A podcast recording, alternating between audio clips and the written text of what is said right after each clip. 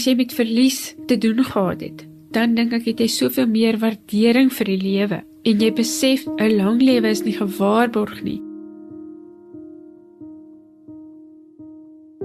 As mens deur verlies veral gegaan het, dan is jou dankbaarheid vir die lewe eintlik soveel groter, want jy besef jou lewe is kort. Jy moet lewe asof elke dag dalk jou laaste dag gaan wees. Wanneer Karen Swanepoel vandag terugkyk na die feestelike 3 weke lange Desembervakansie in 2011 saam met haar gesin, besef sy dit is presies hoe hulle elke dag geleef het. Toegevou in dankbaarheid en vreugde.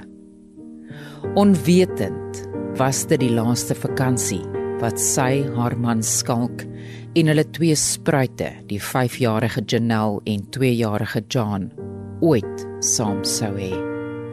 'n Vakansie na die uithoeke van die land om hartsmense te besoek. Nou dat ek terugdink daaraan, eintlik was dit amper 'n afskeidsreis vir Skalk en Janelle en John en ook vir die familie om hulle die laaste keer te sien. Ons het eers begin na my ouers toe in Mosselbaai. Vreeslike mooi herinneringe daar gehad saam met oupa en ouma en my boetie het ook daar gekuier. En na dit was ons Kersfees by Skalk se sussie hulle op hulle plaas en sy ander sussie was ook daar gewees. Ons het 'n Kersspel opgevoer. Skalk se ma was ook daar gewees. Ons het as familie baie lekker saam gekuier daai Kersfees. Nuwe jaar het ons by Skalk se ma gaan kuier in Appington en ons het daardie aand 'n bootrit gehad op die Oranje rivier. Baie mooi foto's geneem. Ons was ook toe nou by Skalk se boetie in Groblersdal en laastens was ons toe na my broer toe in Johannesburg. Van Johannesburg af vat hulle weer die lang pad na Bloemfontein. Hier sou hulle die laaste aand van die vakansie oorslaan by Karen se suster. Maar hulle het nooit daar uitgekom nie. Die dag, 10 Januarie 2012, is 'n draaipunt in Karen se lewe. Tussen Ventersburg en Winburg in die Vrystaat word haar lewe in 'n oogwink tot stilstand geruk.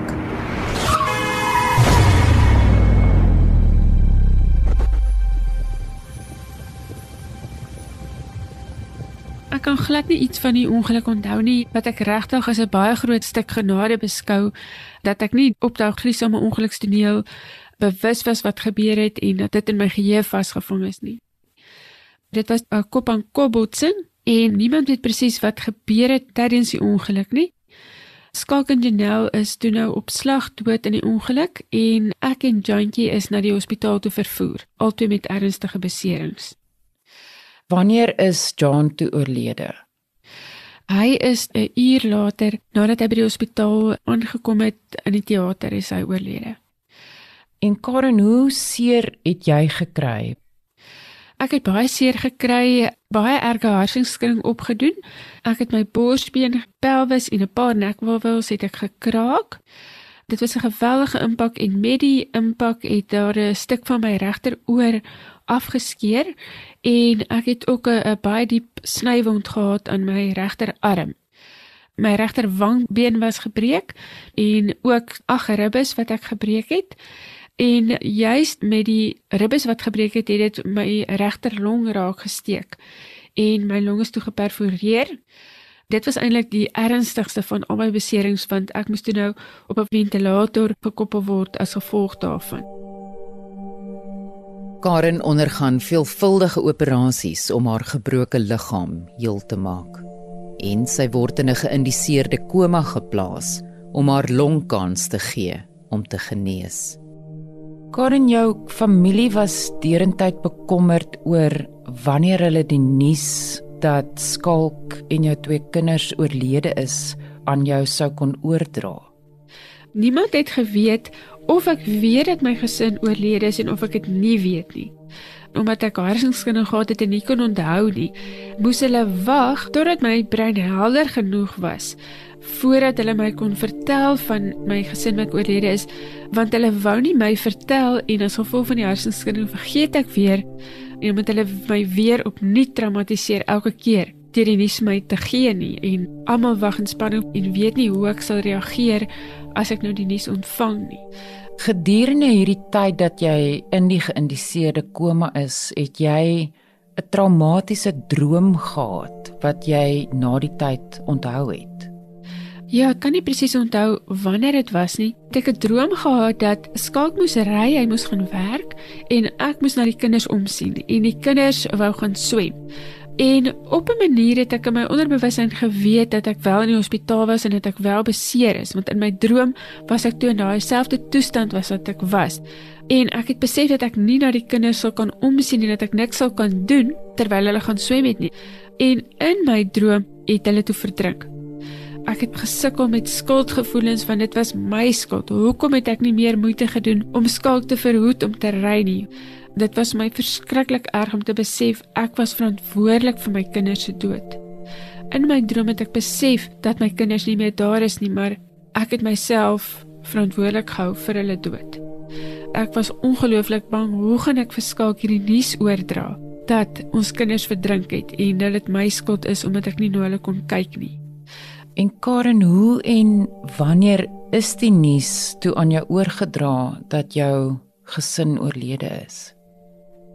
Nadat die ventilator verwyder is, min of meer so 10 dae na die ongeluk, het ek vir die maatskaplike werker gevra, "Maar hoekom is ek in die hospitaal?" En daarna het sy toe nou die sielkundige geroep Hy het vir my vertel dat ons aan 'n motorongeluk was en dat Skalk en Janelle op slag dood is en John later in die hospitaal en dat ek die enigste oorlewende was.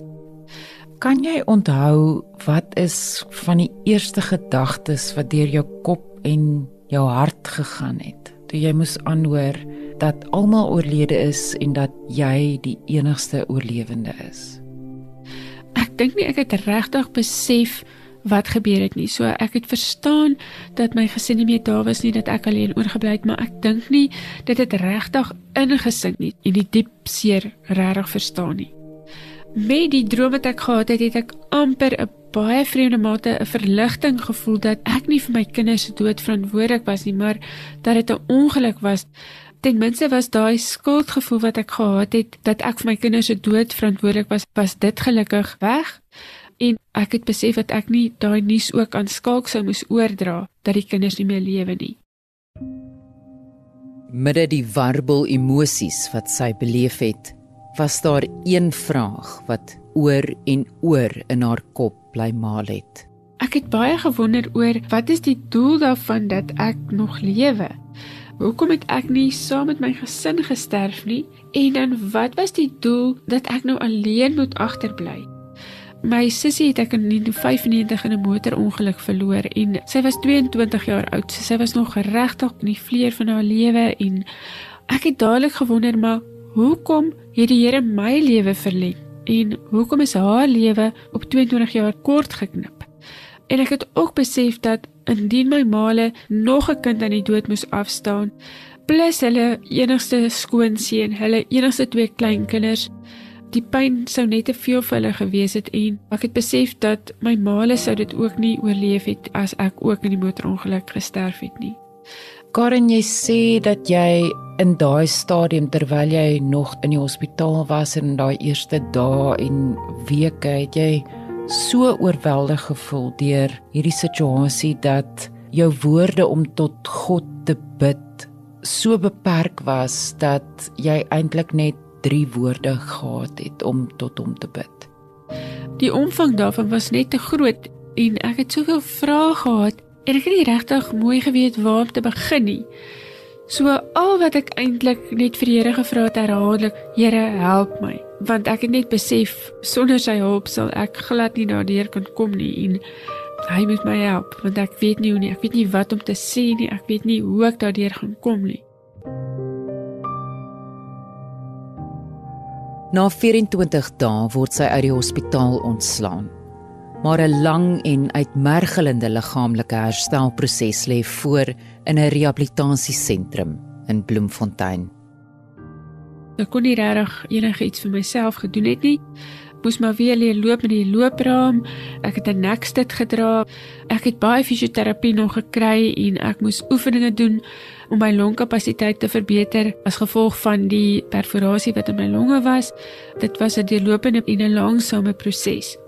Sou jy sê dat jou liggaamlike pyn jou in 'n mate verhoed het om te begin om tot verhaal te kom met jou emosionele pyn? Ja, definitief. Die sielkundigheid destyds aan my ouers verduidelik dat wanneer jy gesamentlik emosionele en fisiese pyn beleef, dan sal jou fisiese pyn voorkeur geniet bo jou emosionele pyn.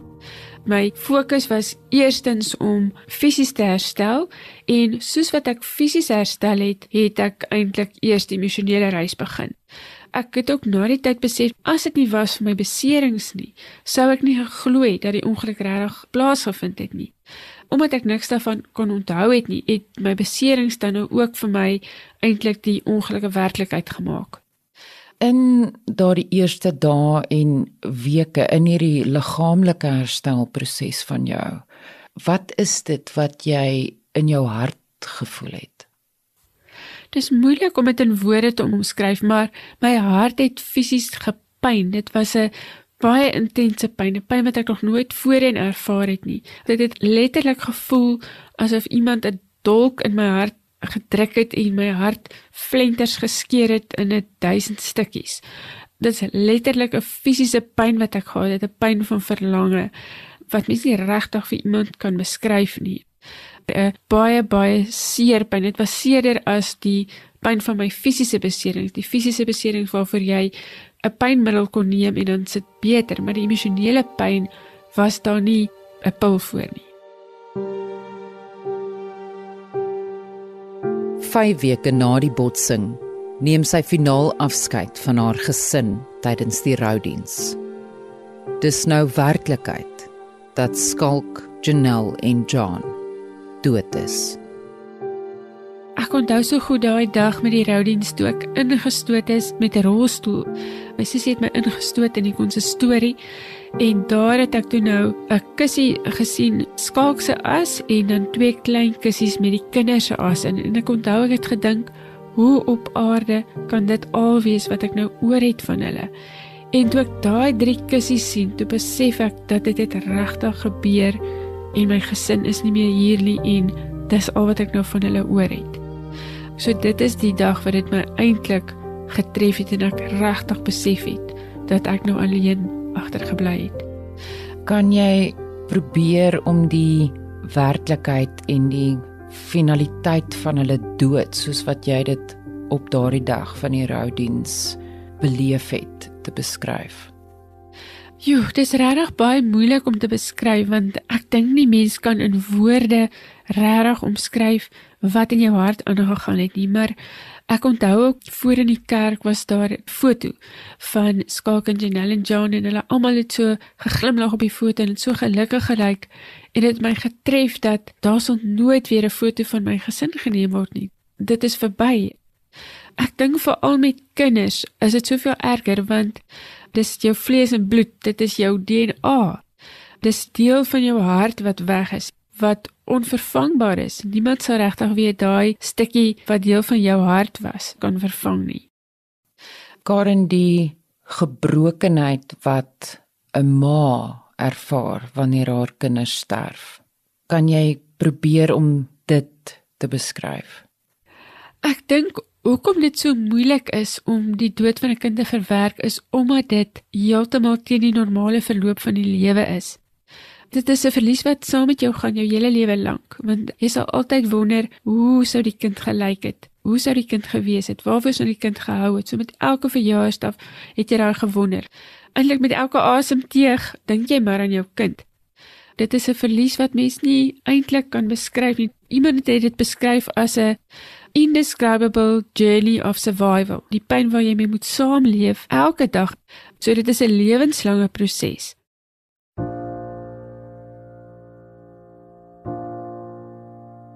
Karen besluit om na Mosselbaai te verhuis waar haar ouers woon. Maar eers moet sy 'n pynlike stap gaan afhandel. Sy moet haar huis in Katoo gaan oppak waar haar gesin vreugdevolle tye deurgebring het. 2 en 'n half maande na die ingrypende botsing staan sy voor die ingang. Toe ek daar voor ons huis gaan staan, toe besef ek maar ek het nou tuis gekom, maar ek is alleen. Ek onthou ek kon nie ingaan nie. Ek ek wou nie ingaan nie. Ek was so bang vir al daai herinneringe wat my in die gesig gaan staar as ek daai deur oopmaak. Daar was 'n vriendin van my gelukkig saam met my en sy het gebid dat die Here my moet help vir hierdie uitmergelende taak wat daar voor my wag. Dink as sy nie daar was nie en as ek nie daai ondersteuning gehad het nie, my ouers was ook daar. Dink ek ek sou net nie die moed gehad het om in die huis in te stap nie want ek het besef al die herinneringe wat in daai huis was, gaan ek nou moet in die gesig staar en daarmee moet deel vir die eerste keer eintlik sedert die ongeluk. En wat het jy gevoel en beleef toe jy in die huis instap?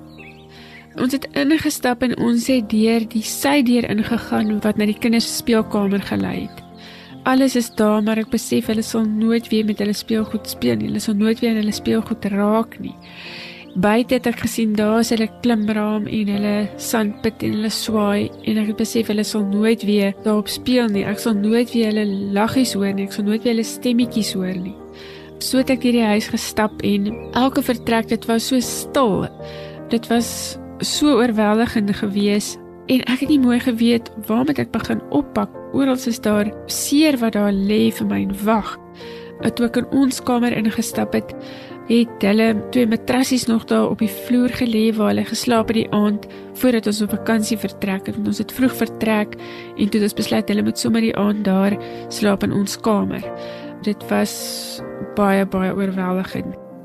Hoe het jy jouself so ver gekry om te begin oppak en hoe het jy daardie hele proses ervaar? Ons het besluit om te begin oppak by die kombuis, die vertrek waar die minste emosies sou ontketen. Ons het ook toe nou die kinders se kamer het ons tot heel laaste gelos. Dit was ook vir my die heel swaarste. Ek onthou 'n stadium daar ook, ek kon ek net nie, dit was net vir my te veel en ek het uit die huis uit gevlug en ek het onder 'n boom gaan sit daar voor ons huis en ek kon nie glo dat ek hulle lewens eintlik nou in bokse moet pak en dat dit alles wat ek nou oor het van hulle nie. Ek dink dit was die moeilikste deel van die hele proses was om om daai huis te gaan oppak en met al daai herinneringe gekonfronteer te word. Karen op 23 April 2012 verhuis jy toe saam met jou ouers Mosselbaai toe en jy beskryf dit as die einde en die begin. Dit was letterlik asof ek my eerste lewe, my lewe saam met Skalk en Janelle en John moes afsluit en dat ek aan die einde gekom het van daai lewe en ek moes 'n nuwe lewe begin waar dit net ek is, waar dit nie meer ek en my gesin is nie. Dit was die einde van my lewe soos wat ek geken het en dit was die begin van my nuwe onbekende lewe wat voor my gelê het. Het dit op hierdie punt vir jou gevoel of jy moes begin soek het na nuwe betekenis in jou lewe? Ja, ek het baie gewonder oor hoe gaan ek aangaan? Hoe gaan ek met al daai pyn en verlange in my hart kan saamleef? Hoe gaan ek dit regkry? En dit was so ver verwyder van mekaar, my ou lewe en my nuwe lewe. So ek het besef dat ek sal moet oorbegin en ek sal moet probeer die rede vind hoekom is ek nog hier? Ek kon net nie sien hoe moet ek dit doen nie.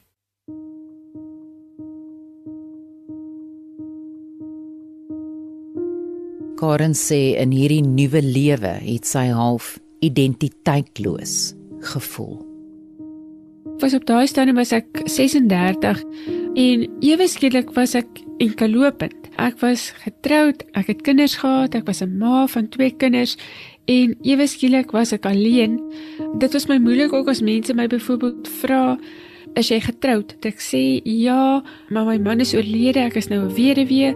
Of as mense vir my vra of ek kinders het, ek sê ja, ek het twee kinders gehad. Ek het nie geweet is daar nog sulke ander mense in die lewe wat dieselfde is as ek wat hulle hele gesinne verloor het nie. Dit het my gevoel dat ek weet nie mooi waar pas ek regtig in nie, want ek pas nie eintlik in by enkel lopende persone nie, want dis nie eintlik wie ek is nie maar ek pas ook nie in by getroude persone nie of by ander ma's met kinders nie. Dit was my regtig moeilik om iewers te probeer tuis wees. Die gevoelens verander geleidelik toe sy die eerste keer in 6 jaar weer as die eetkundige in haar eie praktyk begin werk. Dit was absoluut my redding gewees, want ek het 'n rede gehad waarvoor ek moes opstaan. Ek moes werk toe gaan. Die werk was stimulerend, so ek het nie tyd gehad dat my gedagtes moet dwaal nie. En deur my werk het ek ook ander mense ontmoet, so ek het vriende gemaak en As dit nie vir my werk was nie, dink ek sou my emosionele herstelproses baie moeiliker gewees het. Want dit het my doel gegee. Ek het gevoel dat ek iets vir mense beteken. En ten minste kon ek gesê het ek is 'n dieetkundige. Dit is wat ek doen. Karen leef net een dag op 'n slag en herbou tree vir tree aan haar nuwe lewe. Byna 3 jaar na die botsing ontmoet sy weer iemand by wie sy tuis voel. En in Desember 2015 trou sy met Andreu Swanepoel.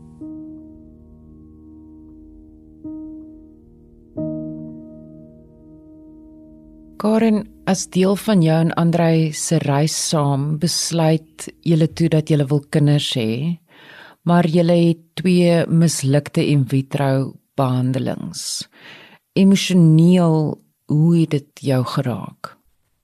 O, oh, dit was so erg want dit was ook eintlik 'n verlies wat ek ervaar het om te besef dat ek kan dalk moontlik nooit weer kinders hê nie. Ek sal dalk nooit weer 'n mamma kan wees en die liefde wat in my hart is op kinders kan uitstort nie.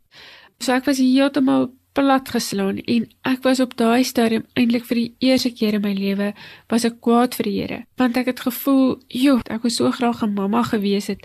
Ek het regtig my bes gegee vir Janelle en vir Jantjie om 'n goeie mamma te wees. En hoekom moet ek nou daardie verlies ook deurmaak? Terwyl sy tot verhaal kom met die verlies is daar nog slegte nuus haar ma verloor haar 12 jaar lange stryd teen ovariumkanker Dit was regtig 'n baie hartseer dag. My ma was my grootste rolmodel, sy was my grootste inspirasie. My ma het soveel vir my beteken na die ongeluk en ek het al reeds so baie mense in my lewe verloor dat ek kon net nie dink hoe gaan ek sonder my ma ook verder kan lewe nie. Sy het gelukkig nie 'n lang lyding gehad nie, maar alhoewel mens geweet het haar dood is naby, was dit nog steeds 'n skok en was dit nog steeds 'n geweldige groot leemte wat sy gelaat het. In dieselfde jaar sien Karen en Andrei vir 'n laaste keer kans vir in vitro behandeling. En die keer is hulle vreugde groot. Dit was die vervulling van ons diepste en ons grootste hartsbegeerte en jy's as gevolg van al die mislukte behandelings en al die mislukte pogings wat ons amper 2 jaar gehad het, was die vreugde net so so groot en die dankbaarheid. Ek onthou so goed toe ons die dag na die ginekoloog toe moes gaan en hy die sonar geneem en hy het so groot glimlag gehad en hy sê vir ons: "Sien julle wat ek sien?" En ja, toe vloei die trane net. Toe is dit twee babatjies en dit was toe nou 'n seentjie en 'n dogtertjie. Het jy na jou tweeling se geboorte gevoel of iets in jou weer heel is op 'n manier? Alhoewel Reinhard en Desiree nie vir Janelle en Jantjie vervang het nie. Hulle sal nooit dit kan doen nie. Maar daai liefde wat ek nou vir jare in my hart moes saamdra, die liefde wat moederliefde is, wat jy net op 'n kind kan uitstort. Toe hulle gebore is, kon ek weer daai moederliefde en kon ek uitstort op Reinhard en Desiree. Daai absolute leemte wat ek gehad het toe Janelle en Jantjie nie meer daar was nie, kon ek op 'n manier weer met Reinhard en Desiree opvul. Karen, jy hou derentyd vas aan jou geloof en jy sê ongetwyfeld dit is wat jou staande gehou het. Absoluut ongetwyfeld. As dit nie vir die Here se genade was nie, as dit nie vir die Here se bonatuurlike krag was wat ek ontvang het om elke dag, elke tree van die pad te kon stap nie, sou ek beslis nie gewees het waar ek vandag is nie. Ek het die Here se teenwoordigheid so duidelik ervaar en beleef.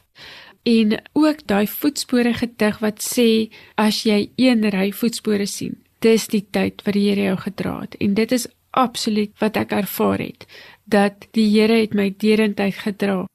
Karen, jy het 'n pynlike emosionele reis onderneem om gesond te word. En dit is soms 'n bitterlike alleenpad om te stap sodat 'n mens weer kan aangaan met jou lewe. Dit was verseker 'n pynlike emosionele reis en mens moet deur al daardie emosies gaan ten einde by 'n plek van heling uit te kom. En ek dink mens kom 'n sterker mens aan die ander kant uit en 'n dieper mens en 'n mens wat groter waardering het vir die lewe en ook iemand wat meer empatie het met ander mense se pyn en ander mense se seer. So alhoewel dit 'n pynlike proses is, dink ek dis 'n baie noodsaaklike proses en mens groei ook deur daardie proses.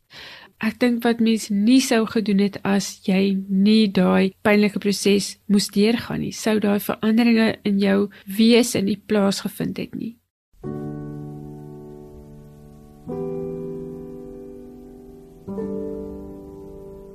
Om te skryf oor traumatiese ervarings bring orde aan jou gedagtes en gevoelens.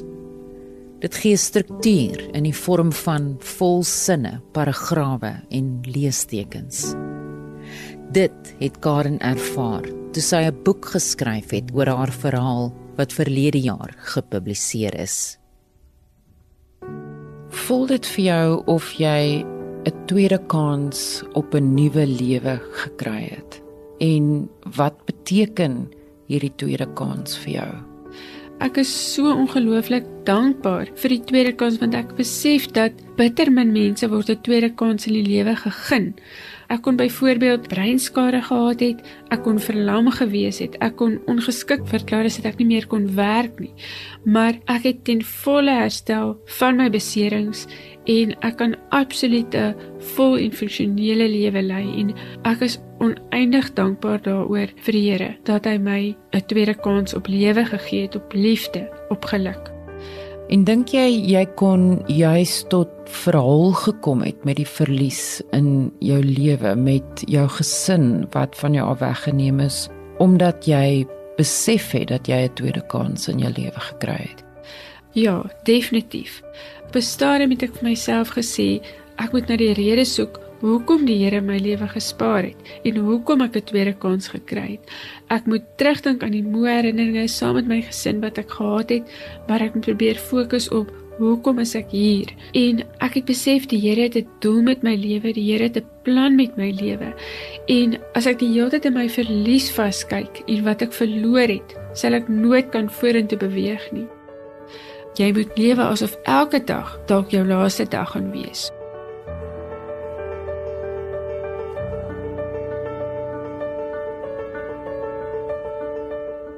Uit die swartste modder is 'n reeks van 4 episodes wat jou op 'n reis neem van mense wat geliefdes aan die dood afgestaan en ander trauma beleef het en hoe hulle weer hoop vind uit daardie wanhoop. Vervaardig en aangebied deur my, Estie de Klerk, met klankontwerp deur Danny Boysen.